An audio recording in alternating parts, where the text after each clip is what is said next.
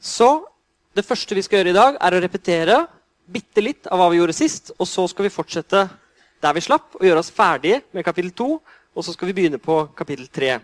Og I kapittel 3 så skal vi tolke utsagnslogiske formler og gi dem en presis semantikk. Men la oss først snakke om dette utsagnslogiske apparatet som vi har definert. På skjermen nå så er det et eksempel på noen utsagnslogiske formler. Og de enkleste utsagnslogiske formlene det er bokstaver. De kaller vi for utsagnsvariabler. Eller atomære formler.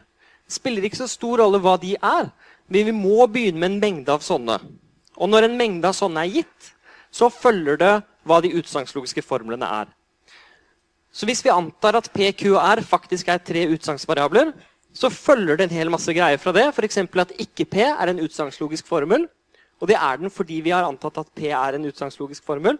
Og så kan vi sette sammen Q og R til en større formel, en konjunksjon av Q og R. Vi kaller dette en konjunksjon, og Q-en og R-en kalles konjunkter. Dette er bare fancy ord for å kunne si dette presist. Og så kan vi sette sammen de to formlene ikke-P og formelen Q og R til en større formel, som er en disjunksjon hvor den venstre disjunkten er ikke P, og den høyre disjunkten er Q og R. Og Det er en utsagnslogisk formel fordi den er bygget opp av to som er litt mindre. Og så må vi huske på parentesene. Ehm, det er ikke en utsagnslogisk formel med mindre alle parentesene er på plass. Vi kan tegne denne konstruksjonen som et tre, som dere ser helt nederst her. Og da ser vi veldig tydelig at denne formelen er en eller-formel. Det er en disjunksjon. Det er formen den er på. På akkurat samme måte som om jeg hadde sagt at uh, vet du hva, 2 ganger 3 pluss 4 ganger 5 det er et plusstykke. For det er plussen som, som, skjer ytterst. Hvis vi ser formelen innenfra og ut, så må vi først gange og så plusse. På samme måte her, Hvis vi ser på formler innenfra og ut, så ser vi at innerst her så er det en negasjon og en konjunksjon. Og de blir satt sammen til en disjunksjon. Så vi har laget et formelt språk, et formelt utsagnslogisk språk med en masse tegn. I utgangspunktet så betyr det ingenting. Det er bare bokstaver, parenteser og symboler satt sammen på en veldig spesifikk måte. Vi kan ikke sette sammen disse formlene akkurat sånn som vi vil. Vi kan ikke skrive to og-tegn etter hverandre eller to uh, eller-tegn etter hverandre. Det gir ikke mening, fordi på høyre og venstre side av et og-tegn så skal det være noe som allerede er formler. Når det gjelder ikke, så kan vi sette mange ikke-tegn foran en utsagnsvariabel. Vi kan si P, vi kan si ikke-P, og vi kan si f.eks. ikke-ikke-P. Når det gjelder eh, denne her, ikke P, med en parentes rundt, så er faktisk ikke det en lovlig formel på denne måten å konstruere formler på. Fordi det eneste stedet hvor parenteser blir introdusert, det er på og eller og pil. Det skal vi komme tilbake til, men uh, i utgangspunktet så er dette da ikke en veldig strengt tatt lovlig utsagnslogisk formel, men omtrent alle mennesker i verden vil kjenne det igjen som da ikke P. For man tillater ofte at parenteser legges til. Når jeg, snakker, når jeg, jeg vil øke presisjonsnivået så mye at en datamaskin kan programmeres til å tolke alt på riktig måte. Til å gjøre alt på riktig måte, og Derfor gjør jeg det så nøye som dette. Så i utgangspunktet så sier vi at dette ikke er en utsagnslogisk formel i det hele tatt. Hva bruker vi så dette til? Vi bruker det til å representere utsagn. Og utsagn er noe i semantikken, noe som vi har mellom oss. Vi definerte begrepet utsagn som noe som enten er sant eller usant.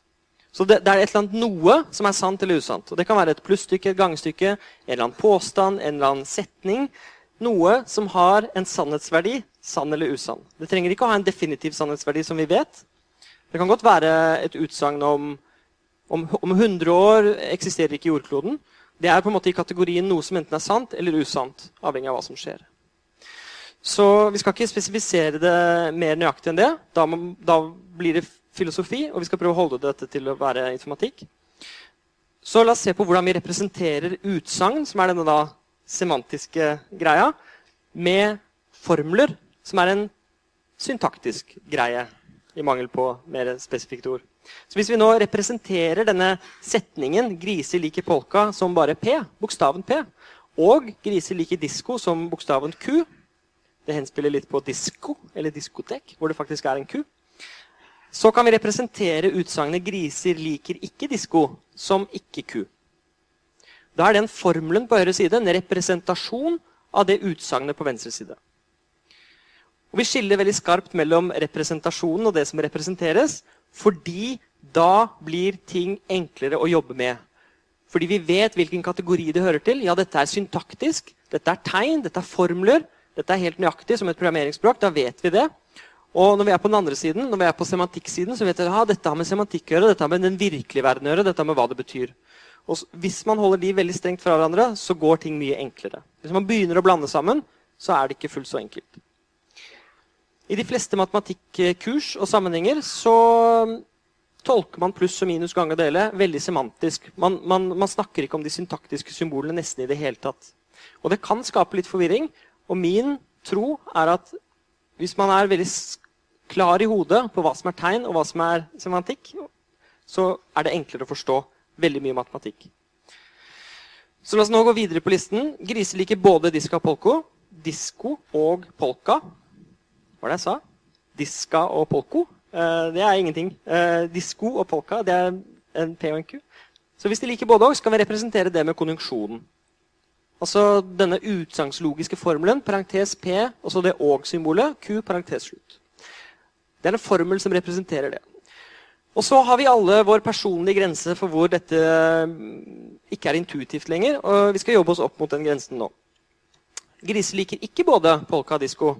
Hvordan skal vi representere det? Vel, En veldig enkel måte å gjøre det på er jo å si ikke, og så den konjunksjonen som vi allerede har funnet ut hva skal være. Fordi at de liker både og. Det representerte vi som P og Q. Og vi ser at den setningen som står der, er faktisk negasjonen av den forrige vi hadde. Det er det motsatte av det vi hadde. Og Det er veldig lurt å tenke på motsetninger hvis dere har en, eh, en setning eller et utsagn, og så har dere representert det.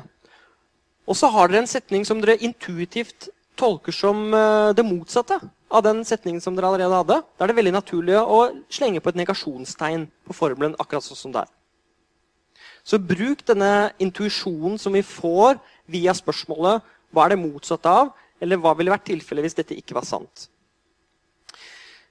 Og Det skal vi gjøre nå også. Griser liker eh, polka eller disko. Da bruker vi eller-symbolet og lager en disfunksjon. P eller Q. Men hvis vi nå sier de, griser liker polka eller liker ikke polka Nettopp, Det er egentlig en uh, setning på akkurat samme formen. Det står uh, noe eller noe annet. Nå er det tilfeldigvis polka på begge sider, så får vi igjen en disfunksjon. Men nå kommer det en. Og griser liker verken polka eller disko. Og intuitivt så vil jeg tolke det som det motsatte av at de liker enten-eller. Fordi jeg mener det står jo at de liker verken eller. Det er det motsatte av at de liker det ene eller det andre. Men det er en annen måte å forstå verken eller på. Det er som en eh, konjunksjon. Fordi verken eller tolker jeg som at eh, ja, verken polka eller disko. Det er altså ikke P, men samtidig også ikke Q. Det er sånn at de ikke liker polka, og de liker ikke disko.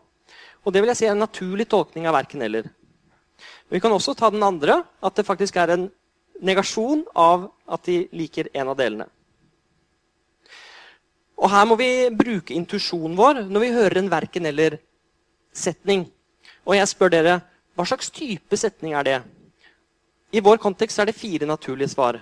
Det er en negasjon av noe, det er en eller av noe, det er en og av noe, eller så er det en implikasjon. En viss så. Så spør jeg hvilken kategori havner verken eller i. Er det en eller-setning? Det er egentlig ikke en eller-setning. For jeg sier ikke at det ene eller noe annet. Og det er naturlig å tolke det som en konjunksjon, fordi jeg sier verken eller. Nemlig ikke det ene og ikke det andre. Så det er en konjunksjon. Den andre måten å tolke det på er som en negasjon av noe som er eller. Og det er den andre representasjonen der. Så Her ser vi et veldig godt eksempel på at noe i vår verden, et utsagn som vi formulerer med ordene verken eller, kan representeres på to forskjellige måter. Vi skal se at de to måtene å representere det utsagnet på er såkalt ekvivalente. At, ikke, uh, at, de, at vi kan bytte fritt mellom de to måtene å gjøre det på. Vi går videre i eksemplene, og nå skal vi introdusere hvis så, eller ha noen eksempler på det. Hvis griser liker polka, så liker de disko. Det skal vi vanligvis representere med en pil. Så P pil Q med parentes rundt er en formel i vårt utsagnslogiske språk som representerer implikasjonen hvis griser liker polka, så liker de disko. Men hva hvis jeg sier dette? hvis griser ikke liker polka, så liker de disko. Hvis vi nå har som oppgave å representere dette på en god måte, så må vi først stille oss spørsmålet hva slags type utsagn er det. Er det en negasjon? Er det en eller, en og eller en hvis så? Det vil si, Hva er det første vi møter på hvis vi sier hei til denne setningen? Hei, setningen. Hvilken type er du? Og da står det her 'hvis så'. For det står 'hvis blipp, så blapp'. Det er formen den er på. Og så er den blippen den kan vi erstatte med at griser ikke liker polka. Så der inni der er det en negasjon. Ser dere det? Så når vi ser på den setningen, så har den en struktur. Og hvis vi skal se på den strukturen og det mønsteret, så ser vi at det er en viss så-struktur. Og Det forteller oss at vi må ha en pilformel. Og det som står til venstre for pilen, skal representere at griser ikke liker polka. Og det kan vi representere med ikke P. Og Dermed så kan vi representere hele utsagnet som denne formelen. Nemlig parentes ikke P, pil Q. Og Grunnen til at jeg er så veldig nøye med hva slags type formel det er, det er at hvis noen hadde skrevet dette her, det er ikke, og så P pil Q, så ville det ha betydd noe annet. Det ville vært en representasjon av det er ikke slik at hvis, lik, hvis griser liker polka, så liker de disko. Det er en negasjon av en implikasjon som er noe annet. Det er en setning som det er veldig unaturlig å si i språket, men allikevel noe vi kan representere på den måten. Så det er ikke det der. Det vil være en feil måte å representere det utsagnet som står på venstre side på. Og testen for det, det er å spørre seg selv hva slags type setning er det. Og da ser vi den har formen 'hvis', 'så', og så står det noe her, og så står det noe der. Og den 'hvis så'-en den går inn i den pilen. Og så går denne her, griser liker ikke polka, inn i den første delen. Og at de liker disko, går inn i den andre delen. Så dette er en måte å analysere et utsagn på, sånn at det blir helt presist det vi bruker som representasjon. Jeg, samler opp spørsmål til slutt, så, så, tar vi og går gjennom listen. For nå øker vanskelighetsgraden, og dette er med vilje. Griser liker polka hvis de liker disko. Og da må vi bruke intuisjonen vår og så spørre oss selv hva er det det egentlig betyr. Hvordan kan jeg representere dette i et formelt språk? Jo, det det står, er at griser liker polka hvis de liker disko. Kan jeg formulere det på en måte som gjør det enklere å formalisere? Ja, jeg kan kanskje si hvis de liker disko, så liker de polka. Jeg kan formulere det på en måte som ligner mer på det formatet jeg er ute etter. Og med den forståelsen, hvis de liker disko, så liker de polka, gjør at jeg får Q pil P som en representasjon av det utsagnet. Så vi ser at vi kan se på utsagnet og bruke intuisjonen vår og prøve å få det på en form som passer overens med det. Men nå kommer den litt annerledes varianten av den samme setningen. Det står 'griser liker polka bare hvis de liker disko'. Og det skal vi snart snakke om i større detalj. Men intuisjonen nå, det er at Hva er det 'bare hvis' betyr? Det betyr at griser liker polka bare hvis de liker eh, disko. Så på en eller annen måte så er dette med disko nødvendig. Er dere enig i det? Det er noe som er nødvendig, fordi griser liker polka, men bare hvis de liker disko. Så disko følger på en måte fra at de liker polka. Så jeg kan omformulere dette til å si hvis griser liker polka, ja, men da liker de disko. Fordi griser liker polka bare hvis de liker disko. Så en måte å representere dette utsagnet på er å bruke pil mellom P og Q, slik at det leses P pil Q. Et triks som jeg ofte bruker i denne sammenhengen, og det skal vi snakke bitte litt om etterpå, det er å tenke at hvis det hadde stått både hvis og bare hvis, så hadde det vært to piler. En i hver retning. Og Det er veldig lett å forstå hva den ene retningen skal være, for den gjorde vi først. Det var den hvor det sto 'hvis'. Griser liker polka hvis de liker disko. Da har vi en pil fra Q til P. Da blir bare 'hvis' den andre retningen, nemlig en pil fra P til Q. Det er en litt sånn syntaktisk måte å forstå det på, men det er korrekt. Det siste eksempelet det er ikke slik at griser ikke liker disko. Hvordan kan vi formalisere det? Igjen må vi spørre oss selv hva slags type setning er det. Og jeg vil påstå at dette er en negasjon. Det er en negasjon av noe. Fordi det står 'det er ikke slik at', og så kommer det noe her. Og det er ikke slik at er det veldig naturlig å representere med en ikke. Og så står det 'grise liker ikke disko'. Det har vi her oppe fra. Grise liker ikke disko, og det blir ikke ku. Så den biten blir ikke ku. Så konsekvensen av det blir at det står ikke ikke ku der. Så det er en måte å representere en dobbelt negasjon på. Og doble negasjoner er spennende. De dukker opp overalt. Det skal vi snakke litt om også senere. Men vi, bare for å si litt. Det er ikke alltid sånn at når vi sier en dobbelt negasjon, så mener vi det samme som det å ikke ha noen negasjon i det hele tatt. Hvis noen sier til deg det er ikke sånn at jeg ikke liker deg, så er det en dobbelt negasjon. Men mange vil si at det ikke er det samme som å høre at 'jeg liker deg'. Så vi ser at det er en liten nyanseforskjell når man legger til to negasjonstegn. Men vi skal også se at i en veldig spesifikk måte å tolke formlene på, så går det ut på ett. Det blir akkurat det samme. Nå vet jeg av erfaring at uh, dette her kan være bitte litt forvirrende. Og jeg vet at det er mange som sitter inne med spørsmål akkurat nå. Jeg skal ta noen, men vi kan ikke ha altfor mange spørsmål om denne biten. Så, men hvis dere har noen spørsmål, så tar vi det nå. Jeg tror det var rett her.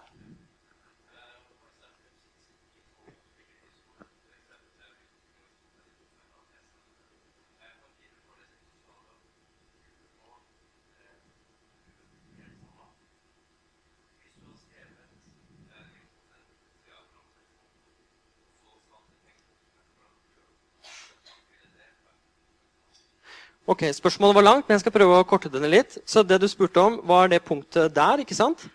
Eh, hvis griser ikke liker polka, så liker de disko. Og påstanden min var at uh, dette blir litt tull hvis du begynner med negasjon og sier at dette er en negasjon av noe, og f.eks. p-pil q. Så var oppfølgingsspørsmålet ditt ja, men kanskje vi i stedet for kan gjøre sånn her. Og så sette ikke-tegn foran der også. Ok, Så da har vi en kandidat. Det som står i blå der nå, er en kandidat uh, for dette her. Og når jeg skal undersøke om den kandidaten er god, så stiller jeg meg selv følgende spørsmål. Det som jeg skal oversette, Hva slags form er det på? Jeg ser med en gang at jeg er på en viss så-form. Og så sjekker jeg den i blå her. Den er ikke på en viss så-form. Ok, da er det ikke riktig. Det er den første måten jeg sjekker om det er sånn på. Men så må jeg tenke litt. Jeg kan også gå den andre veien og Det er det å ta det som er i blått, som er kandidaten min. Og For å undersøke om det er et riktig svar, så oversetter jeg bare tilbake. Og så ser jeg om jeg får det samme. Så da tar jeg det som står i blått, og så tenker jeg hvordan ville jeg sagt det? Det er ikke slik at hvis griser liker polka, så liker de ikke disko. Det er det utsagnet jeg får når jeg sier det som står i blått her, høyt. Det hørtes ikke ut som det jeg skulle oversette fra. Og det er grunn nummer to til å diskvalifisere den som et godt forslag. Jeg tror det er, det er, det jeg vil si om det. Det er, det er, en del andre ting man kan si, men vi kommer til å få mer å si og mer presis eh, argumentasjon når vi snakker om semantikk. For da kan vi begynne å snakke om hvordan disse formlene tolkes, og helt spesifikke måter å tolke dem på. Det var et spørsmål der, og så er det et der. Og så er det flere som har spørsmål i denne runden, og et bak der. Og så blir det, og så, Den var ut. Ok, Så da er det et spørsmål der.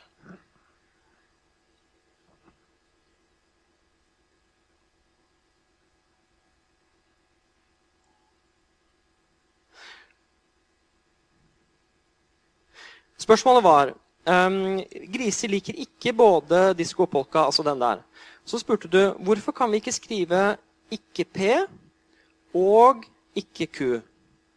Med parenteser rundt, selvfølgelig, fordi akkurat nå så tar vi med alle parenteser. Og igjen så skal jeg ta den testen. Um, eller jeg kan egentlig ta de to samme testene. Først så ser jeg hva slags form har dette utsagnet her. Griser liker ikke både eh, disko og polka. Og så hører jeg på den, og så smaker jeg på den. Og så spør jeg meg selv er det en negasjon, er det en konjunksjon, disjunksjon eller implikasjon. Altså er det en og eller, eller uh, pil eller, eller, ikke. Og så høres den for meg ut som en ikke-setning. For det står de liker ikke både disko, polka. Så Det høres ut som for meg at noen sier noe som er bare negasjonen av noe annet. Nemlig negasjonen av at de liker både og. For det står 'de liker ikke noe'. Det høres for meg ut som en negasjon. Og Så sjekker jeg formelen som står i blått. Er det en negasjon? Nei, det er en konjunksjon. Så det er den første måten jeg vil kanskje diskvalifisere den på. Og på den andre måten, hvis jeg sier den som står i blått, høyt, så står det Griser liker ikke polka. Og griser liker ikke disko. Og det betyr at grisene er veldig negative. Altså, de liker ingenting. Ikke sant? Men det som står i, til venstre, altså setningen jeg begynte med, det var jo ikke det. Det var at de bare ikke likte både og. Og det er ikke fullt så negativt. Det betyr at de faktisk, eh, det er bare sånn at de ikke liker begge deler. Så de er litt negative.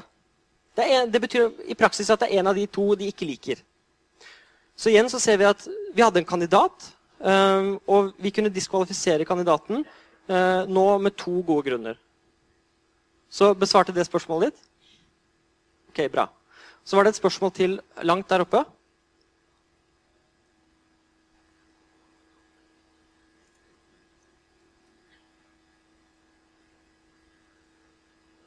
Spørsmålet var i det nest siste eksempelet, altså denne grise liker polka bare hvis de liker disko, er det en måte å representere det mer nøyaktig på? Og mitt svar er nei, dette er så bra jeg klarer det. Dette er min måte å representere den på. Men som en liten oppfølging til det Noen føler, og det er følelser vi snakker om, det er, det er tolkninger, hvordan vi leser og hører utsagn. Når de hører ordet 'bare hvis', så hører de indirekte også en viss. Nemlig det som står i setningen over.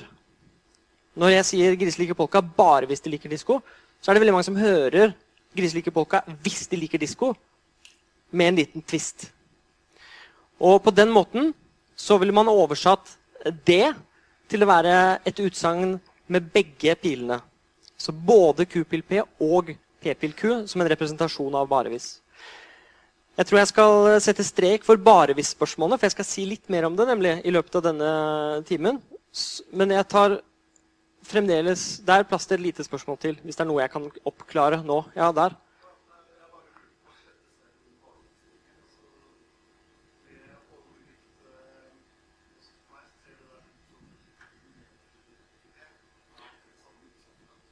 Spørsmålet var um, om denne bare hvis-saken som jeg har tenkt å si litt mer om. Om det går an å skrive f.eks. ikke Q, pil ikke P, for den. Og kanskje det gir mening. Da er vi nødt til å ta denne testen igjen. Og hvis jeg nå spør meg selv hva slags form denne har, så er det en pilform. Det er et eller annet vissaktig. Og det er også nå den representasjonen jeg har der. Så den testen funket. Men hvis jeg nå sier denne setningen høyt, Eh, hvis de ikke liker disko, så liker de ikke polka. I mine ører så høres det veldig ut som det som sto der, og jeg vil akseptere det. Og det vi faktisk skal se nå snart, i løpet av denne forelesningen, er at den formen som jeg nå setter to streker under, er ekvivalent med den formen som jeg nå setter to streker under, i en veldig presis matematisk forstand. Så dette er to uttrykk for det samme. Men det ene inneholder to negasjonstegn og har omvendt rekkefølge. Og det andre har ikke det. Og det er en annen test. Um, her, når jeg sier denne setningen, som jeg nå ringer rundt, så bruker jeg ikke ordet to ganger. Men i denne setningen som jeg oversetter fra, så brukte jeg ikke ikke ordet en eneste gang. Og det er ett argument for å bare diskvalifisere den. Sånne betraktninger skal vi også komme litt tilbake til.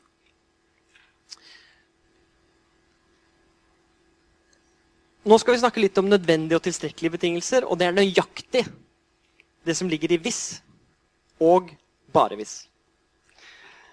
Så Denne formelen A pil B den uttrykker hvis A så B. Uansett hva A og B representerer, så uttrykker den hvis A så B. Og Det er verdt å tenke litt over hva som ligger i det. Jeg vil si at Dette betyr det samme som at, at A er sann, er en tilstrekkelig betingelse for at B er sann. Og Jeg vil at dere skal være enig i det, eller iallfall tenke over det, og hvorfor det er intuitivt.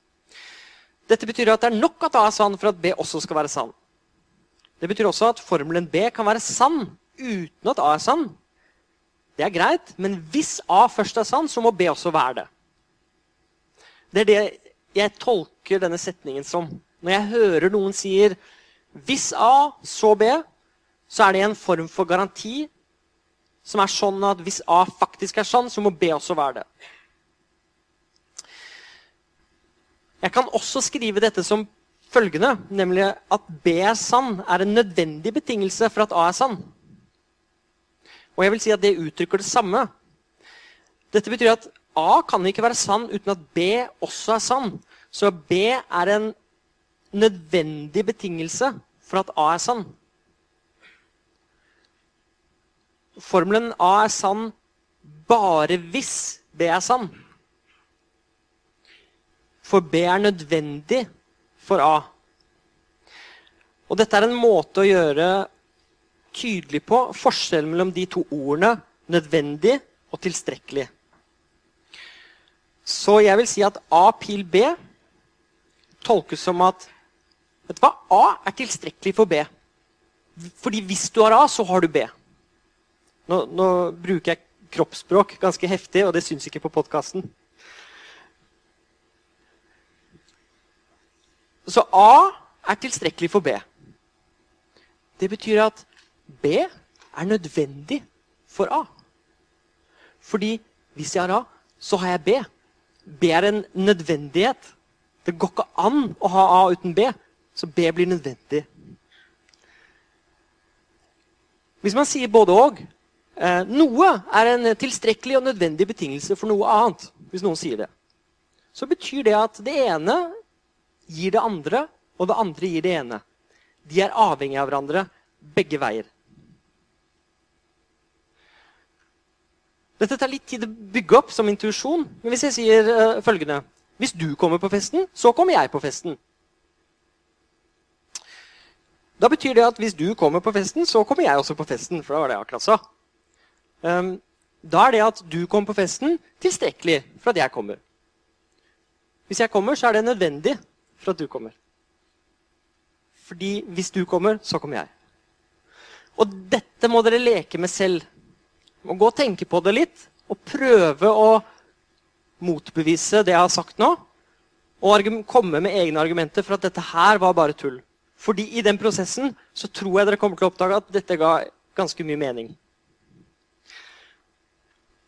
Alt dette uttrykker det samme, og vi kan representere alt dette med formelen A pil B. Så hvis vi har som oppgave å representere A er en tilstrekkelig betingelse for B, så kan vi bruke A pil B som en formel for å representere det. Hvis vi vil representere B er en nødvendig betingelse for A, så kan vi også representere det med A pil B.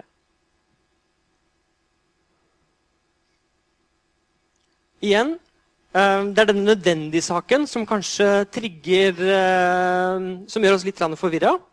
At, at, B er sann, er en nødvendig betingelse for at A er sann. Hvorfor i alle dager skal det være at A impliserer B? Jo, det betyr at A ikke kan være sann uten at B også er sann. Nemlig at formelen A er sann bare hvis B er sann. I denne frasen 'bare hvis' så ligger det en nødvendighetsgreie.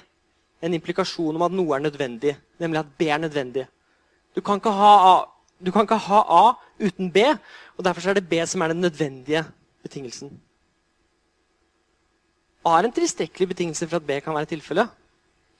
Og B er en nødvendig betingelse for at A er tilfellet. For veldig mange så ble dette nå en eh, retorisk ordlek. Men hør på det på podkasten etterpå, og jeg tror at jeg ikke snublet underveis.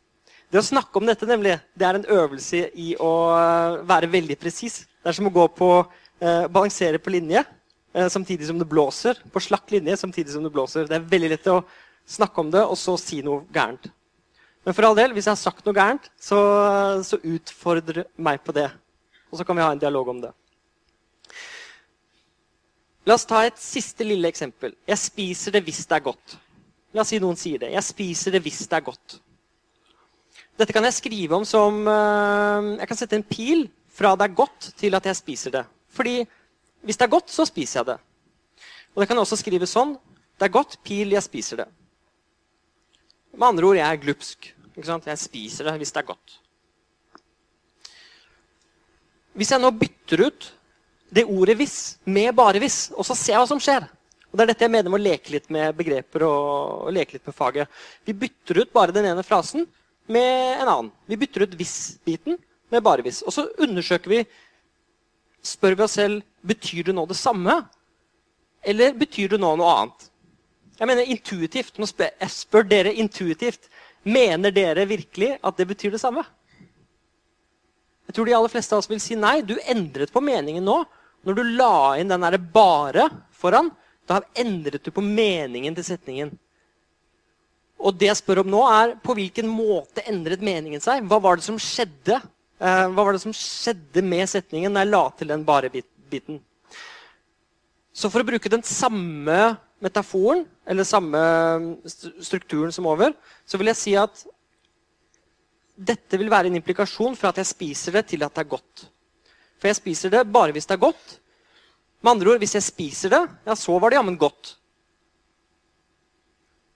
Med andre ord, jeg er kresen. Hvis jeg faktisk spiste det, så var det godt. Det er en måte å forklare meningen i det uttrykket på. Jeg spiser det bare hvis det er godt. Hvis jeg nå sier begge deler, jeg spiser det hvis og bare hvis det er godt, så kan vi sette en sånn dobbeltpil. Det skal vi se at det er en forkortelse for to piler og en konjunksjon. Med andre ord, jeg er glupsk, men kresen. Så det betyr at jeg jeg spiser alt som er godt, og jeg spiser bare det som er godt. Det er ganske vanlig å bruke ordet 'hvis' med to s-er som en forkortelse for 'hvis' og bare 'hvis'. Så jeg spiser det hvis det er godt. Ville det vært på norsk. Og det kommer som en oversettelse fra engelsk, fordi på engelsk bruker du så ofte 'if' med to f-er. Så er it it if it is good. Er det noen uh, spørsmål til dette? Jeg så en hånd, og så ville jeg utsette det, men nå kan jeg ta det spørsmålet. Hvis det var fremdeles bare et Nei? Greit. Det er en veldig viktig parallell her. Um, dette ordet 'bare' det gjør noe med utsagn, og det legger på en form for nødvendighet. Hvis noen står i en rettssak, og så sier de 'Jeg lover å si sannheten'. Og så sier de bare det. 'Jeg lover å si sannheten'. Og så står vedkommende og snakker og prater og holder på. da. Og i den dialogen, eller i den monologen, hva nå den er, så kommer det masse sannheter. Men det kommer også, også masse annet. Masse løgn. Masse løgn og fanteri. Og det er akkurat grunnen til at man sier 'jeg lover å si sannheten', og bare sannheten. Der kom det ordet igjen inn. Jeg lover å si det som er sant, og ikke noe mer. Så hvis jeg sier det, så er det sant. Og hvis det er sant, så sier jeg det. Det er annen, et annet eksempel hvor dette ordet kommer inn. Eh, var det et spørsmål?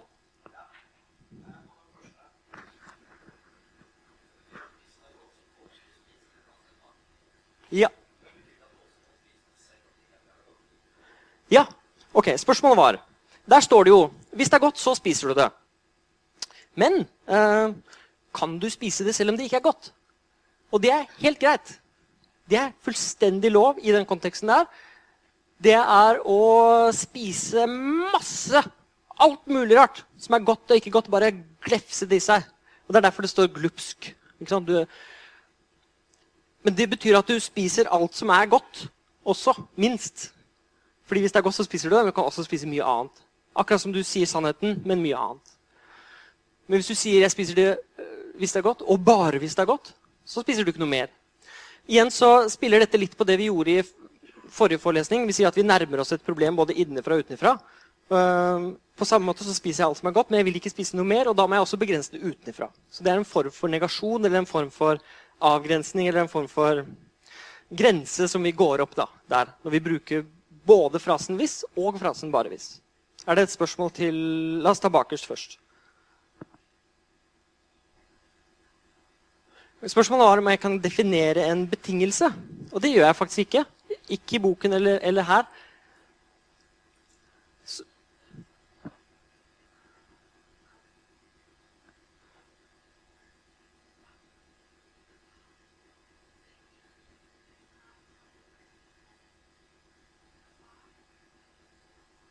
Nettopp. Så spørsmålet var hva mener du egentlig med betingelse? Det ordet bruker du uten å definere det. Og i en oppgave så ber du oss gi en betingelse. Eh, hvordan i alle dager skal vi gjøre det når du ikke har sagt hva det er? Det er en litt sånn tricky spørsmål, men jeg vil si at vi, hvis du blir gitt om å gi en betingelse for noe For å utfordre dere litt, da. Eh, hva er en betingelse for at du blir sur? Da, de fleste av oss ville si eh, ja, betingelsen for det er at du tråkker meg på beina, at du lyver for meg, eller et eller annet sånt. Et eller annet som går forut for i tid, og som forårsaker, som har som konsekvens, eh, at jeg blir sur. Det er en betingelse for det. Så jeg vil si at intuitivt så er det noe som uh, fører til noe annet. Nemlig det vi er ute etter. Må, så på en eller annen måte så har det med tid og konsekvens og kausalitet å gjøre. Det er et eller annet som gjør at noe annet vil skje.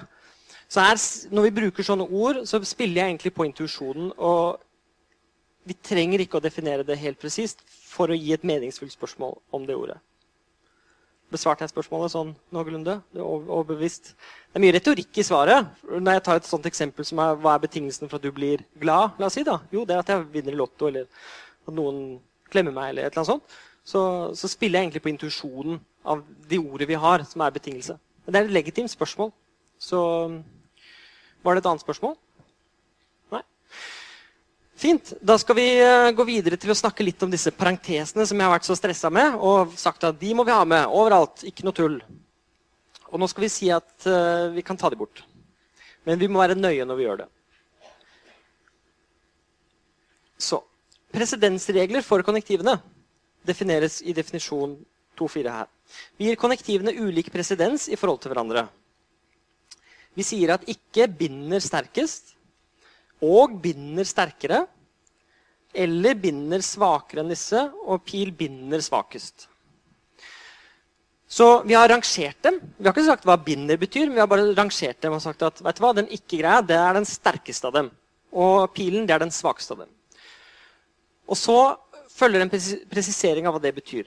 Det at noe det er en, en prikk som er svart her, binder sterkere enn en annen prikk som er hvit, betyr at PQR med henholdsvis svart og hvitt prikk imellom betyr det som står eh, her med strek under, og ikke det som står her. Så når det, igjen, da, hvis vi bare skriver Jeg kan ta et helt konkret eksempel. Hvis vi skriver P og Q, pil R så er det noe som ikke er en utsagnslogisk formel. Fordi det er ikke definert. Vi har alltid med parenteser når vi definerer ting. Vi har to alternativer, to måter å gi dette mening på. Vi kunne si at dette er faktisk en pilformel med en konjunksjon. Det er én tolkning. Og en annen tolkning er at vi, vi laget faktisk eh, pilformelen først, og så satte vi sammen det til en konjunksjon.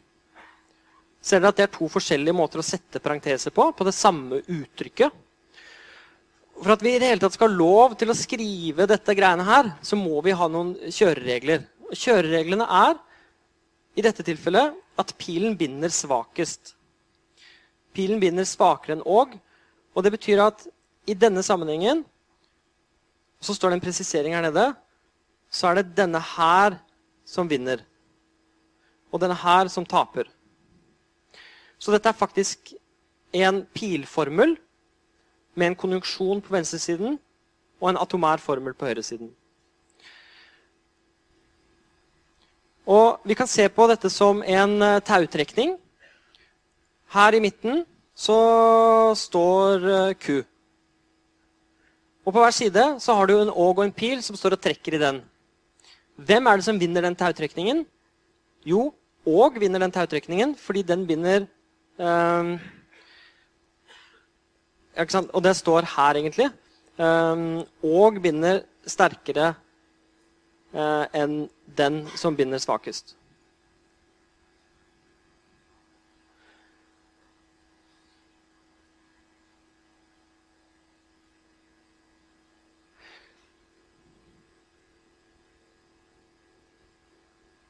Ok?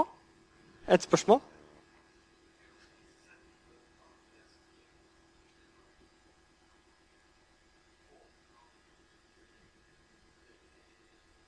Spørsmålet var Hvis jeg setter på parenteser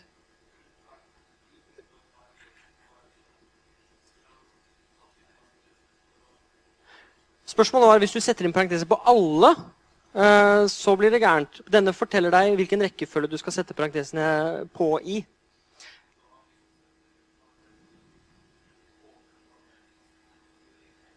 Spørsmålet er, hvis du setter parentesene ovenifra og ned i listen din, så blir det riktig. Uh, ja, det er riktig. For du begynner med de som binder sterkest, så fortsetter du utover til de som binder svakest.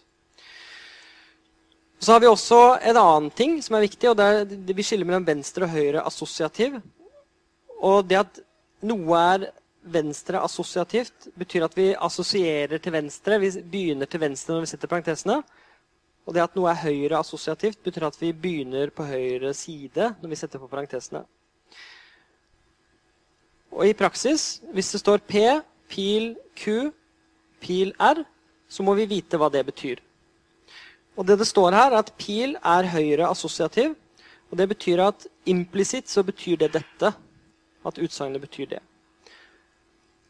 Men nå er vi nødt til å ha en bitte liten pause, og dere er nødt til å gå ut i den friske luften. Så fortsetter vi om tre Nei, om ett kvarter.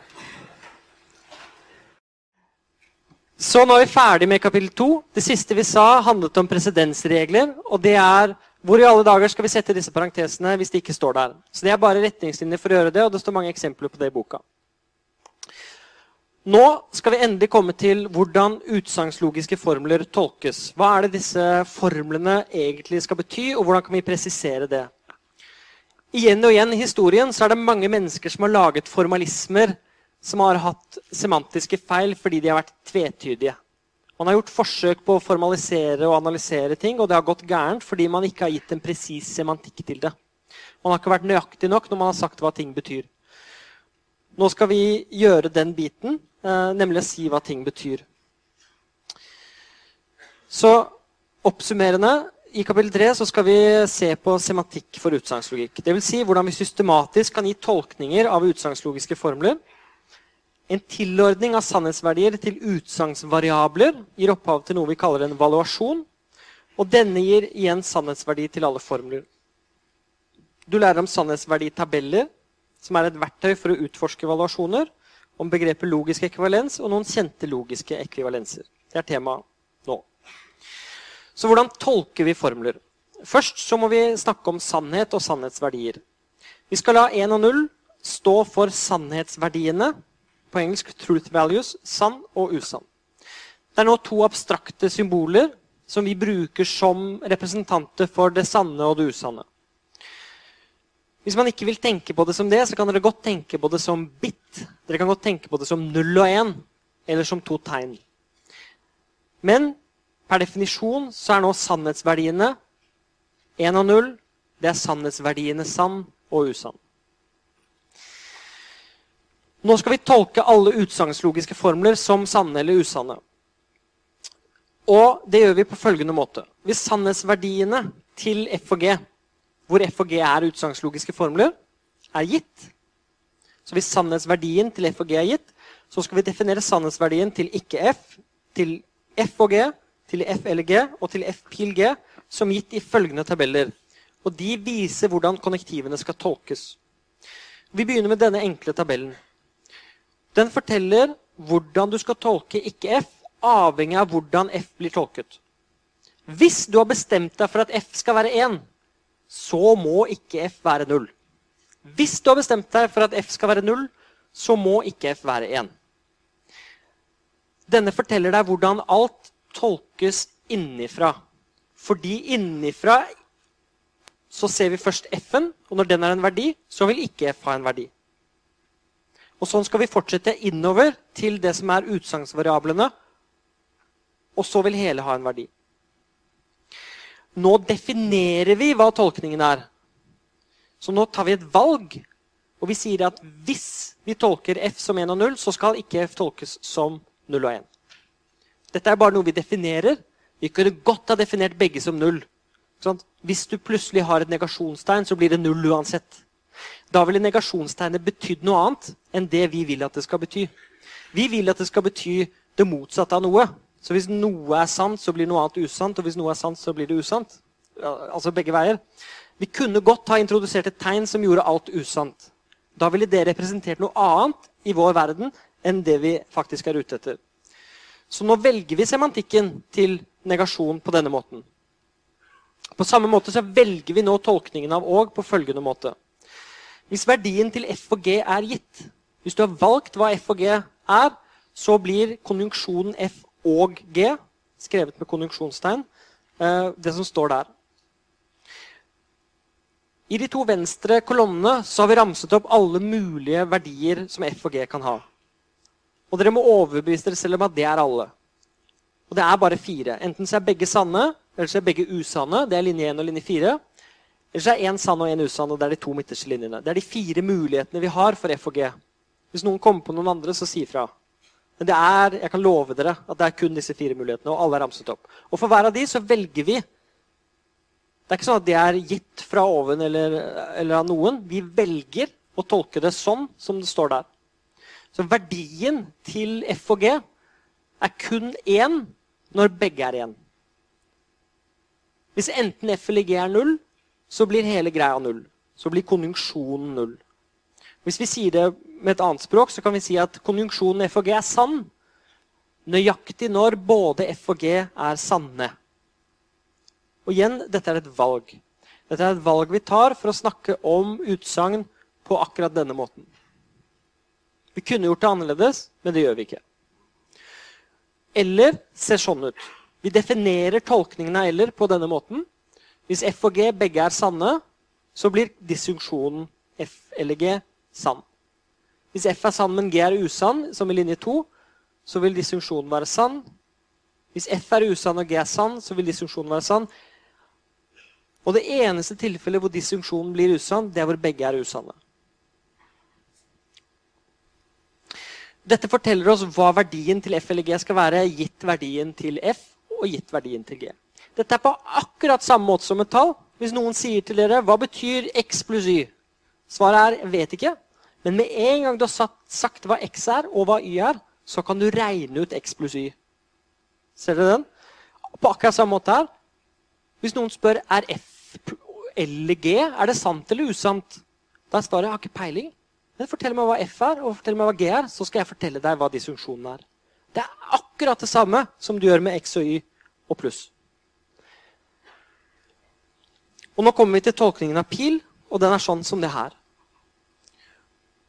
Igjen så har vi alle de fire mulighetene ramset opp. Alle de må, forskjellige måtene å kombinere F og G på.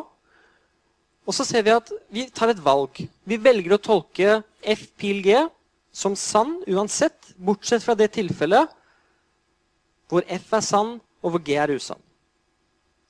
Fordi i det tilfellet så kan vi veldig tydelig se at F ikke impliserer G. Dette er et valg. Vi kan godt definere det annerledes. Vi kunne godt sagt at den er kun sann når begge er sanne. Men det ville vært litt teit, for det har vi allerede fanget inn ved hjelp av et symbol som er og-symbolet i denne andre eh, tabellen fra venstre. Vi kunne godt sagt at uh, vet du hva, den er sann i de tre øverste tilfellene. Nei, Det ville også vært et dårlig valg, ville jeg sagt. da. Men vi kan godt gjøre det, og dette er noe vi tar et valg på nå. Vi, vi velger å tolke FPLG som sann uansett, bortsett fra ene, det ene tilfellet. Og det er mange gode grunner til det, uh, til at det er akkurat sånn.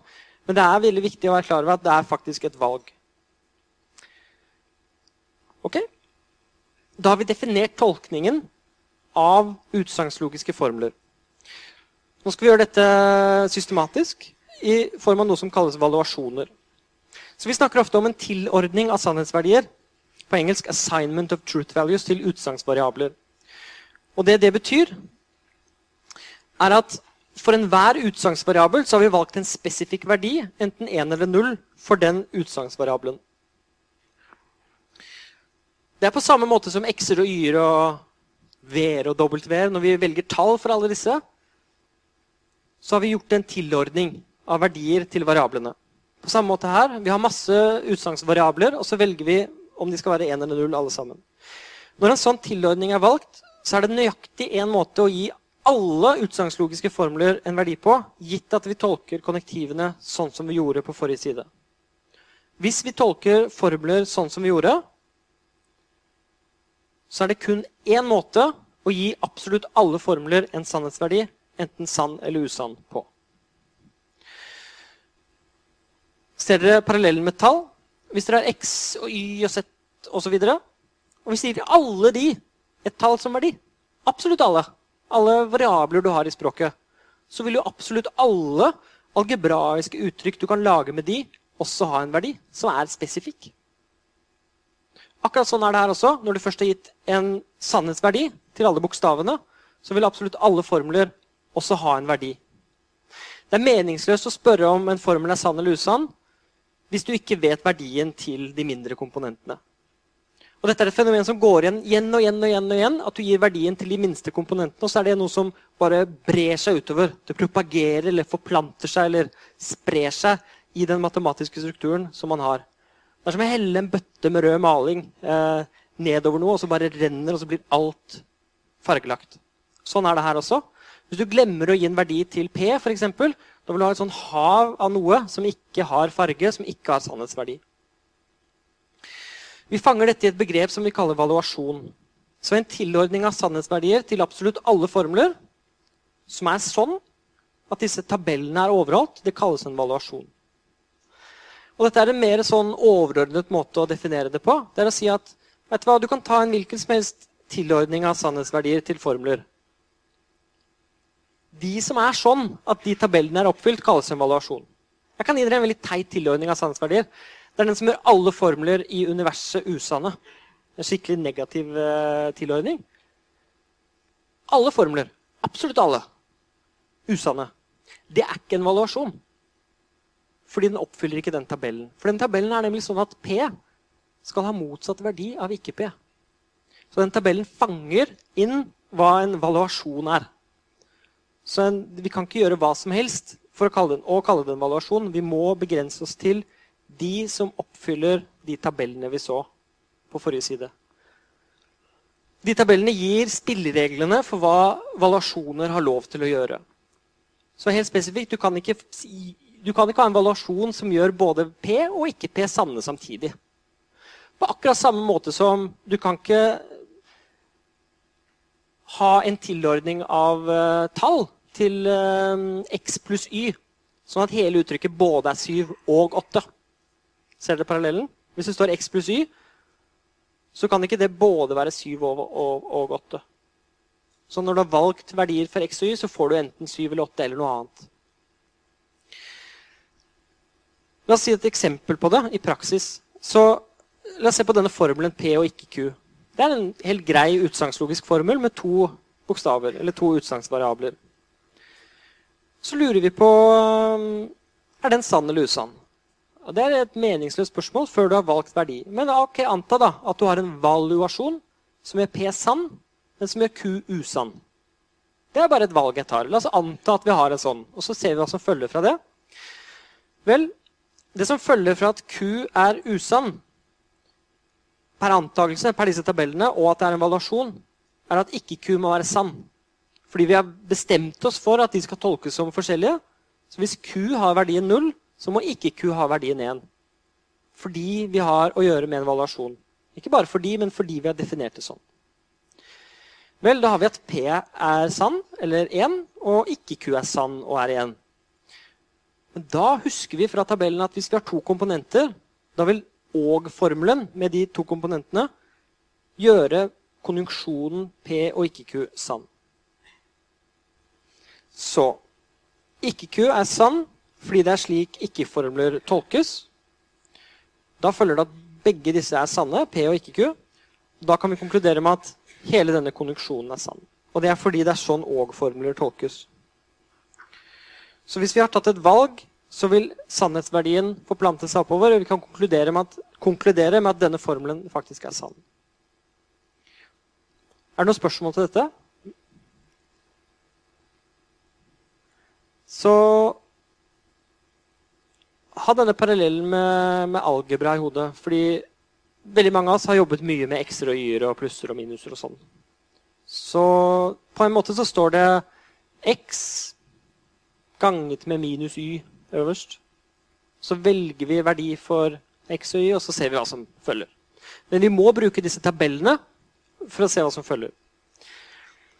Og nå skal vi generalisere disse tabellene, sånn at vi kan faktisk bruke de. Så en praktisk måte å regne ut sånne evaluasjoner på er ved å bruke såkalte sannhetsverditabeller. Og la oss definere det en gang for alle. En sannhetsverditabell, eller på engelsk en truth table, er en tabell som ligner på de vi så, som forteller hva sannhetsverdien til et sammensatt utsagnslogisk formel er, på bakgrunn av hvilke sannhetsverdier som er tilordnet utsagnsvariablene. Det er en tabell som forteller hva sannhetsverdien til et sammensatt uttrykk er, på bakgrunn av hva som er tilordnet de enkelte bitene. La oss gjøre det i praksis. Dette er en sannhetsverditabell for den formelen vi akkurat så. Øverst så skriver vi P og Q, for det er de som forekommer som bokstaver i denne formelen. Og så skriver vi formelen til høyre. Og så lager vi to kolonner, en under P og en under Q, hvor vi systematisk ramser opp alle de mulighetene vi har.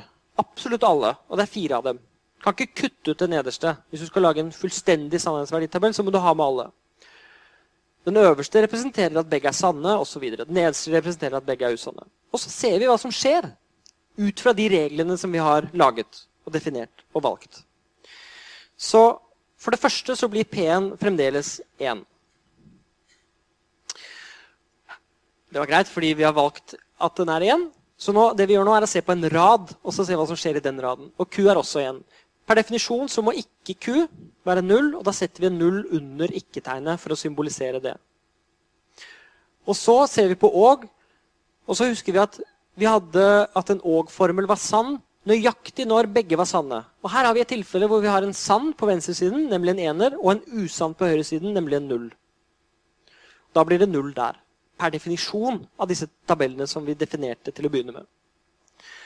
Og Så tar vi det andre tilfellet. Da vil fremdeles P være 1, men da er Q 0. Da blir negasjonen av Q 1, fordi det skal være det motsatte. Dette er som å regne minus med tall. Du bare tar det motsatte. Og nå ser vi at vi har en og med en ener på hver side, og da får vi en i midten også. Det er kun det tilfellet hvor vi faktisk får en i midten. Det er når vi har en på hver side.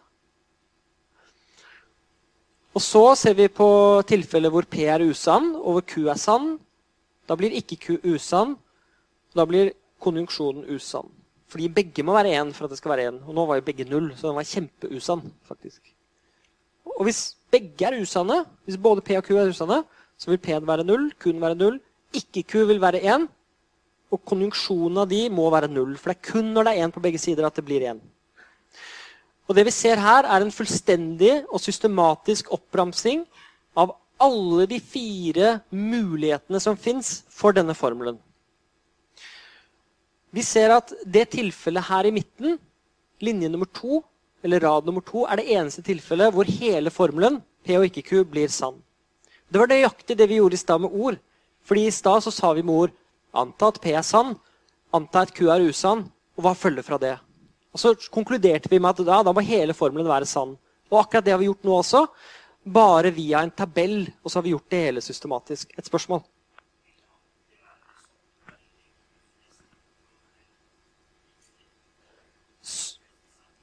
Spørsmålet var er det alltid sånn at den linjen med flest ett-tall vil være den hvor formelen er sann. Og det er ikke alltid sånn. Du kan faktisk ha det eneste som, Du kan faktisk ha masse nullere. Det eneste som spiller en rolle, er at du har et ett-tall under det som er hovedkonnektivet.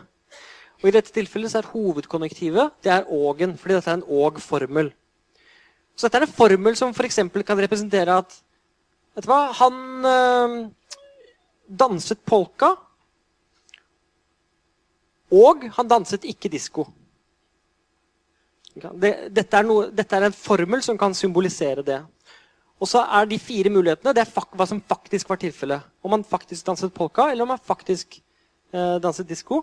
Og så om hele setningen blir sann ut fra det. Og nå er det egentlig påpasselig, eller passe tid for å komme med en kommentar. For det kom mange spørsmål rett etter pausen som gikk på uh, dette med kausalitet. Det at hvis noe skjer, så skjer noe annet som en uh, årsak-virkning-relasjon. Uh, eller at noe skjer som en virkning av en årsak. Det er det ene. Og det andre har med tid å gjøre. At noe skjer etter noe annet eller før noe annet. Og det som er viktig å huske på når vi bruker utsagnslogikk og dette maskineriet, og denne måten å formalisere på, er at vi ser bort fra alt annet enn det som har med sannhet å gjøre. Det er et voldsomt kraftig filter. Vi bare, vi bare tar på oss sånne skyggelapper, og så glemmer vi alt annet enn det som har med sannhetsverdi og måten sannhetsverdi forplanter seg på i utsagn. Det er det eneste vi er opptatt av. Vi er ikke opptatt av tid, f.eks. Et eksempel er um, Han pusset tennene og la seg. Vi vil si at det betyr noe annet enn han la seg og pusset tennene. Vi hører det som to forskjellige utsagn, og de betyr to forskjellige ting. Fordi vi tolker de som noe som har med rekkefølge og tid å gjøre. Når vi representerer det her oppe som utsagnslogiske formler, så ser vi bort fra tidsaspektet. Vi er kun opptatt av hvis den er sann og den er sann, ja, da blir hele sann. F.eks. denne setningen om pusse tennene og la seg. Den setningen er sann hvis han både la seg og han pusset tennene. Uavhengig av rekkefølge. Hvis han enten ikke la seg eller ikke pusset tennene, så er ikke det sant. Eller hvis han ikke gjør noen av delene, så er det heller ikke sant. Det er kun sant i det ene tilfellet hvor han gjorde begge delene. Og det er det den tabellen vi så på forrige side, fanger inn. Det er nøyaktig da den skal være sann. Det er veldig viktig å huske på at dette er en abstraksjon og en måte å fange inn utsagn på som kunne vært annerledes. Det er sånn at Vi tar et valg her om at dette er en ålreit måte å gjøre det på. Og dette funker veldig bra. Og dette, dette, har man hatt veldig lenge, og det kalles for klassisk utsagnslogikk. Er det noen andre spørsmål før vi går videre? Ja, ett der.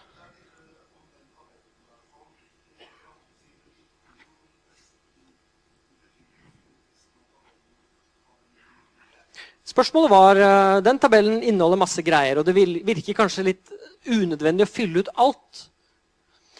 Og svaret er det kommer an på hva du er ute etter å finne ut. Noen ganger er vi ute etter å finne ut om en formel faktisk kan være sann. Om det er mulig å gjøre den sann. Da er du nødt til å lete til du finner en ener et eller annet sted. Et annet tilfelle er at du ønsker å vite om en formel alltid er sann. Da må du sjekke absolutt alle enerne, eller alle radene, og om det er en ener der. Dette skal vi komme tilbake til. Men jeg bare nevner det nå som Og dette er som en, som en liten sånn forberedelse. Eh, denne sannhetsverditabellmåten er en veldig enkel måte å regne ut ting på, som man kan bruke veldig systematisk. Når dere besvarer spørsmål, så er det to måter å gjøre det på veldig ofte. Den er å gi et fornuftig argument med deres eget språk. Og det, er, det, kan dere skrive ned som et argument som er på formen Hvis P er sann, så følger det at P eller ikke Q også er sann. Skrive det ut som en setning. En annen måte å gjøre det på er å gi en tabell og så si her ser du i denne tabellen hva som er tilfellet når P er sånn og Så, så dette er forskjellige måter å begrunne noe på. Og dette er en veldig sånn systematisk uh, unnskyld ordet, hjernedød måte å gjøre det på. Uh, fordi det, Man trenger nesten ikke anstrenge seg. Man trenger bare huske definisjonene av uh, hvordan man tolker og eller ikke og pil. Så hver gang dere bruker denne metoden for å løse noe, sjekk med intuisjonen deres og hodet deres og språket deres og alt som er, om det faktisk stemmer. Så det jeg skal gjøre nå resten av tiden, er å snakke litt, bitte en gang til om den implikasjonen. Bare for å gjøre det helt klart. Fordi vi tolker den på en veldig spesiell måte. Bare for å gjenta det. Hvis vi har en, en, en F og en G, så ser tabellen sånn ut. Og dere må alle øve på å lage sånne tabeller og gjøre de riktig. Jeg ser veldig ofte på eksamen at det står liksom sånn her. Sånn. Så, og så fortsetter de her. Så glemmer de den siste raden. Og da er det på en måte Det er litt dumt, fordi det er et viktig tilfelle. Det er tilfellet hvor begge er usanne. Og så sa jeg at det eneste tilfellet hvor denne, her, denne formelen faktisk er usann, det er det tilfellet her. Og i alle de andre tilfellene så er den faktisk sann. Og så er det mange som har litt problemer med den. Hvorfor er det sånn at uh, en pilformel eller en viss såsetning er sann hvis begge er usanne? spør de. De blir liksom, nesten liksom provosert av at du mener at F-pil G er sann Når, er, når den F-en er usann og G-en er sann altså det, er, det er oppriktig noen som da blir litt sånn indignert av at det er sånn. Så nå kommer mitt forsøk på å svare på det. Uh, og gi en faktisk, selv om dette er vilkårlig valgt, gi en begrunnelse for at det er et godt valg. Så det er det jeg skal gjøre nå.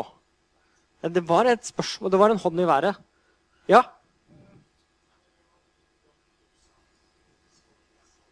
Ok, Veldig bra spørsmål. Uh, for det har med hele motivasjonen for alt å gjøre. Så Du spurte hvorfor vil vi det hele tatt vite om en utsagnslogisk formel er sann eller ikke. som er det vi holder på med nå. Og Det vi skal bruke dette som, er et verktøy for å regne ut ting og snakke om egenskaper ved utsagn. Fordi utsagn er noe som vi har mellom oss, og som du har i vitenskapelige artikler og teorier om hva som helst. Vi er ute etter å undersøke egenskaper ved dem. For eksempel så kan jeg, Hvis du sier at uh, sånn her er det, og så sier jeg men hvis du sier det, så følger det og det og det. Og det og det. Og det. Og da bruker jeg et veldig spesielt ord. Jeg sier at det følger fra det du sier. Og det kan vi formalisere ved hjelp av dette maskineriet i form av noe som har med sannhet og usannhet å gjøre. Og Vi skal formalisere det og presisere det i et begrep som kalles logisk konsekvens. Som er det at Hvis jeg formaliserer alt det du sa, i et formelt språk, og antar at alle de formlene som var resultatet av formaliseringen, er sanne, så følger det logisk at en del andre formler må være sanne. Og da snakker jeg på formelnivå. Og så går jeg tilbake og så sier jeg at vet du hva, i denne analysen så følger det at dette her også er sant. At denne påstanden, denne, dette utsagnet også må være sant. Og da kan det hende at jeg har motbevist teorien din. Det kan hende at det jeg konkluderte med at følger fra dine antakelser, faktisk er noe helt absurd. Kanskje det følger fra det at månen er flat, eller et eller annet. Det var et dumt eksempel, da, men, um, så vi bruker dette som et verktøy for å analysere noe om måten vi resonnerer på. Det er ett argument. Et annet argument, og spesielt relevant for dere som skal lære å programmere, er at betingelser i programmeringsspråk det er logiske uttrykk. Det er logiske uttrykk som kan være sanne eller usanne. For I et program så sier man gjerne hvis disse betingelsene igjen ordet betingelser er oppfylt, så skal programmet gjøre dette. Hvis de betingelsene ikke er oppfylt, så skal programmet gjøre dette. I disse betingelsene så bruker vi logiske uttrykk som og og eller og ikke. For du sier gjerne hvis databasen er full, og det er lagringskapasitet, og nettverket ikke er eh, sånn, så skal du gjøre sånn. Så disse logiske tingene kommer inn hele tiden. Og dette er et verktøy for å analysere sånne typer betingelser. Det er én måte å svare på det på. Det er mer å si, og mer står i boken. Så la meg nå gi en begrunnelse for at dette er intuitivt. Hvis noen sier denne setningen til dere Hvis du betaler, så får du komme inn. Det er en veldig enkel setning, og det er et veldig enkelt løfte. Hvis du betaler, så får du komme inn. La oss si at jeg sier det. da. Jeg står i døra, og jeg sier hvis du betaler, så får du komme inn. Så er det en stor, fin test bak meg som du vil inn på. Dette kan representeres ved den utsagnslogiske formelen B pil K. Hvor B representerer du betaler, og K representerer at du får komme inn. Det jeg vil at dere skal gjøre nå, det er å tenke på hva det vil si at dette utsagnet er sant, og hva det vil si at det er usant. Og nå må vi tenke ut fra antakelser. La oss anta at det er sant. Hva følger da? La oss se på det. La oss anta at det er usant. La oss anta at jeg, jeg står her og lyver. Ly sier noe som ikke er sant. Hva følger da? Og det er en veldig fin øvelse, fordi da følger det en del ting som gjør det intuitivt og naturlig å bruke akkurat denne tolkningen av pil som vi har valgt. Så la oss se på de to tilfellene. Og la oss svare på dette spørsmålet. Hva er det du faktisk vet hvis du vet at utsagnet er sant? La oss si at uh, dette er et tankeeksperiment. La oss si at det kommer en annen person, og så sier han Roger snakker alltid sant. Det han sa der, var sant. Hvis du betaler, så får du komme inn. Hva er det som følger da? Vel, det er ganske trivielt da, å si at da må K være sann, det at du får komme inn, gitt at B er sann. At du betaler. Nemlig det at det er en slags garanti som forteller hva som er et tilfelle hvis B er sann. Og nå kommer det viktige. Hva som skjer når B er usann. At du ikke betaler, spiller ingen rolle for sannhetsverdien til hele utsagnet. Da kan K, det at du får komme inn, være sann eller usann. Det kan fremdeles være sånn at jeg snakker sant. Jeg står her og snakker sant. Og setningen 'hvis du betaler, så får du komme inn' det er en sann setning. Men det er jo ikke sikkert at du betaler. Og det er helt greit, det. Jeg er fremdeles ingen løgner, selv om du ikke betaler. Er dere ikke enig i det? Ja, men jeg står jo og gir et løfte, og det er at hvis du betaler, så får du komme inn. Så betaler du ikke. Det er det at B er usann. Og det er tilfellet hvor det står null under B-kolonnen. Hvorvidt det står null eller én under K-kolonnen, spiller jo ingen rolle. Fordi jeg, jeg, sa fremdeles noe som var sant. Um, skjønner dere hva jeg sier? Det jeg sier nå, i, i, helt konkret, det er at det står um, Det står B her og K der. Og så sier jeg Hva er tilfellet hvis, hvis jeg står og snakker sant? Og det vi har sagt nå, er at det er en slags garanti, et løfte, som er sånn at hvis du betaler, så får du komme inn. Så vi har en ener der. Men når du ikke betaler, som er disse to tilfellene her, den, det tilfellet, det tilfellet, så er jo jeg fremdeles ikke en løgner. Og, og, en måte å presisere det på er at disse to er én. For det var faktisk sant, det jeg sa. Og Så kommer spørsmålet mitt hva vet du hvis du vet at utsagnet er sant? Så nå må vi forestille oss at det kommer en annen person da, og sier usant. nettopp, hva, hva, skjer hvis det er usant? Så kommer en annen person og sier vet du hva, han står der og ljuger. Han sa hvis du betaler, så får du komme inn, og det er en løgn. Hva vet du da, hvis du vet at det er usant? Da vet du at da må B være sann, nemlig at du betalte, men du fikk ikke komme inn. Og det er det tilfellet her. B er sann, og K er usann. Dette er den eneste måten hele utsagnet kan være usant på, påstår jeg. Hvis dere har et godt argument for at det er noen flere muligheter her hvor det hele den kan være usann, med andre ord at jeg er en løgner, så kom gjerne med det. Jeg står her og sier hvis du betaler, så får du komme inn. Og jeg er en løgner. Hva er tilfellet i verden da? Da påstår jeg at det eneste naturlige tilfellet er at du betalte faktisk, men du fikk ikke komme inn. Eh, ja, Er det et spørsmål?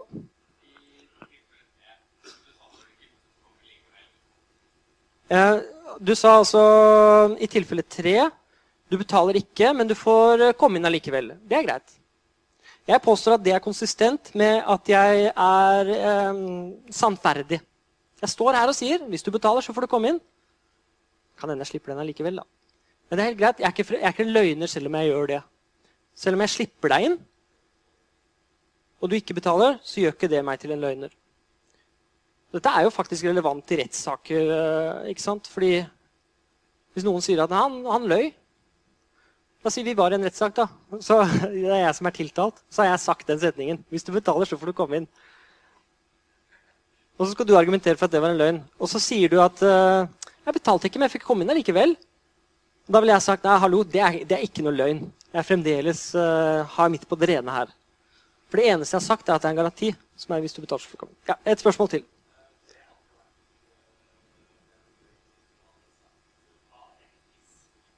Kommentaren var det hadde vært en løgn hvis jeg hadde sagt 'bare hvis'. Og det er helt riktig. Men det er en del av bare hvis-diskusjonen, så den skal vi ikke ta opp igjen her. Ok, Så det var mitt forsøk på å argumentere for hvorfor det er fornuftig å ha den tolkningen av pil. Fordi man ofte lurer på det. Så nå skal vi snakke om logisk ekvivalens.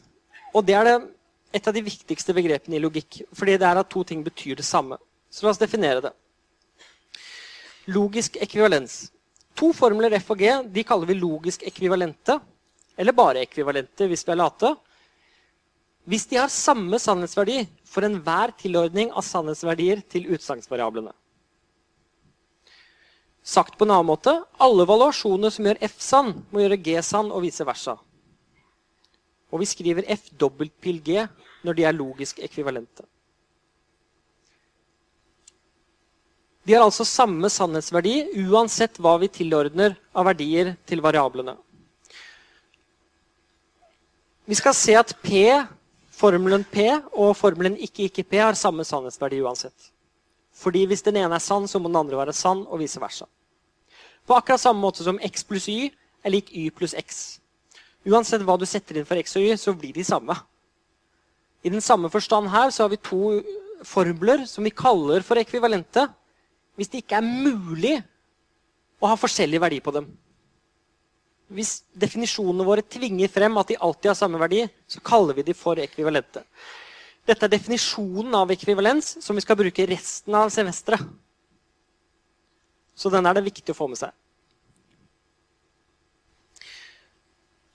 Hvis to formler er ekvivalente, så har de samme meningsinnhold, sier vi gjerne. De betyr det samme. Hvis to formler ikke er ekvivalente, kan vi finne en valuasjon som gjør den ene formelen sann og den andre formelen usann. La oss se på et eksempel. Formlene P og ikke ikke P de er ekvivalente formler. Hvorfor det? Fordi hvis en valuasjon gjør P sann, må den også gjøre ikke ikke P sann. Det kan vi sjekke i tabellene, for hvis P er 0, så er ikke P 1. Og da må ikke ikke P være 0 igjen. Det er som å ta negasjon to ganger, eller det er som å ta minus to ganger. Og hvis en valuasjon gjør ikke ikke P sann, så må den også gjøre P sann. Med andre ord, de har alltid samme sannhetsverdi. Når vi har sagt dette, så trenger vi ikke å si at hvis en valuasjon gjør P usann, så må den også gjøre ikke ikke P usann, fordi det følger fra disse to. Intuisjonen er at de alltid har samme sannhetsverdi. Hvis den ene sier blipp, så sier den andre også blipp. Så det er to formler, og hvis den ene er sann, så må den andre være sann. Hvis den første er usann, så må den andre være usann. Og de må følge hverandre hele tiden. Du, den ene formelen kan være kjempesvær. Den kan ha enormt mange bokstaver i seg, og den andre kan være veldig liten. Men så lenge de følger hverandre i sannhetsverdier, så vil de være såkalt ekvivalente. La oss se på et eksempel på noe som ikke er ekvivalent. Disse to formlene, P eller Q, og formelen P og Q, er ikke ekvivalente. Og Her ser vi et eksempel på at jeg dropper parentesene. Og det er helt greit nå, for jeg har sagt hva det vil si å droppe parentesene. Så nå er det lov, men vi må vite at faktisk, de faktisk er der. da, Selv om de er usynlige. Men vi må begrunne at disse ikke er ekvivalente. Og da må vi si at de ikke alltid har samme sannhetsverdi. For det er det motsatte av å være ekvivalent. Og Da kan vi ta en valuasjon som gjør P sann og Q usann, f.eks. Den vil gjøre eller-formelen sann, den. Men den vil gjøre og-formelen usann. Med andre ord, de er ikke alltid samme sannhetsverdi, og derfor er de ikke ekvivalente. Dette går det selvsagt også an å gjøre i en sannhetsverditabell. Og så vil man si at eh, det er et tilfelle, en rad, hvor de har forskjellig sannhetsverdi. Derfor er de ikke ekvivalente. Vi skal se mange eksempler på ekvivalens. Og vi bruker følgende skrivemåter om hverandre.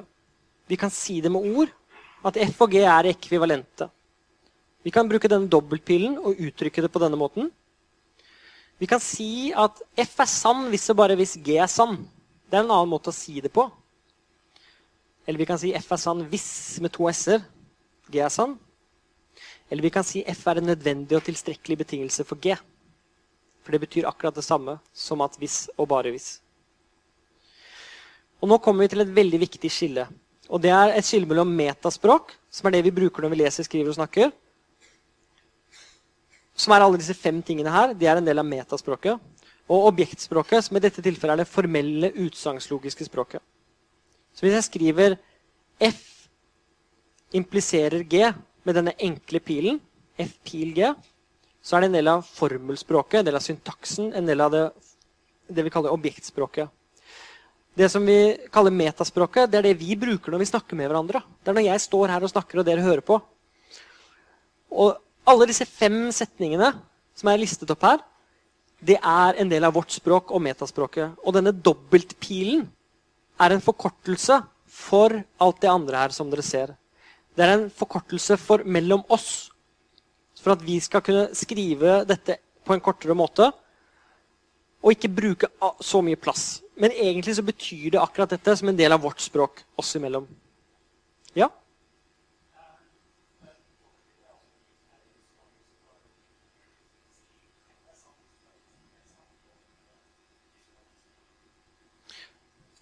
Okay, spørsmålet var, Her er det jo en veldig fin pil. Går det an også å bruke en sånn pil, en enkeltpil, og si f.eks. dette. Og den enkeltpilen har vi ikke definert ennå, men det står i boken uh, at det er en forkortelse for at F pil G og en konjunksjon Nå skriver jeg den sånn. G pil F. Egentlig står det ved siden av hverandre. Og både den og den er en del av objektspråket, som er en del av det formelle utsagnslogiske språket. Så, og det er forskjellig fra den dobbeltpilen som vi har der. Den brukes, bruker vi i metaspråket for å snakke om noe i objektspråket. Så det er, en, det er en veldig viktig nivåforskjell mellom disse to symbolene. Vi kommer aldri til å bruke den dobbeltpilen som dere ser her, i objektspråket. Vi kommer aldri til å skrive sånne ting som det her. Ikke F. Eh, dobbeltpil G. Sånn.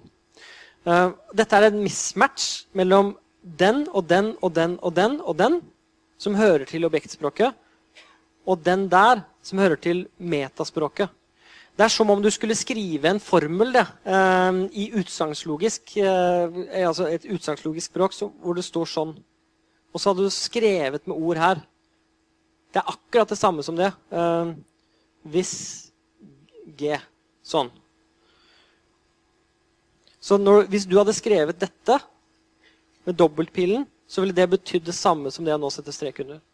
Og det er ikke en lovlig utsagnslogisk formel. Så vi bruker den dobbeltpilen bare som en forkortelse for de ordene. Det er et veldig nyttig skille å ha. Vi har også dette skillet mellom syntaks og semantikk, som er et annet, men det ligner litt på dette. Fordi noen ting skjer her nede, og noen ting skjer her oppe i språket mellom oss. Et kort spørsmål?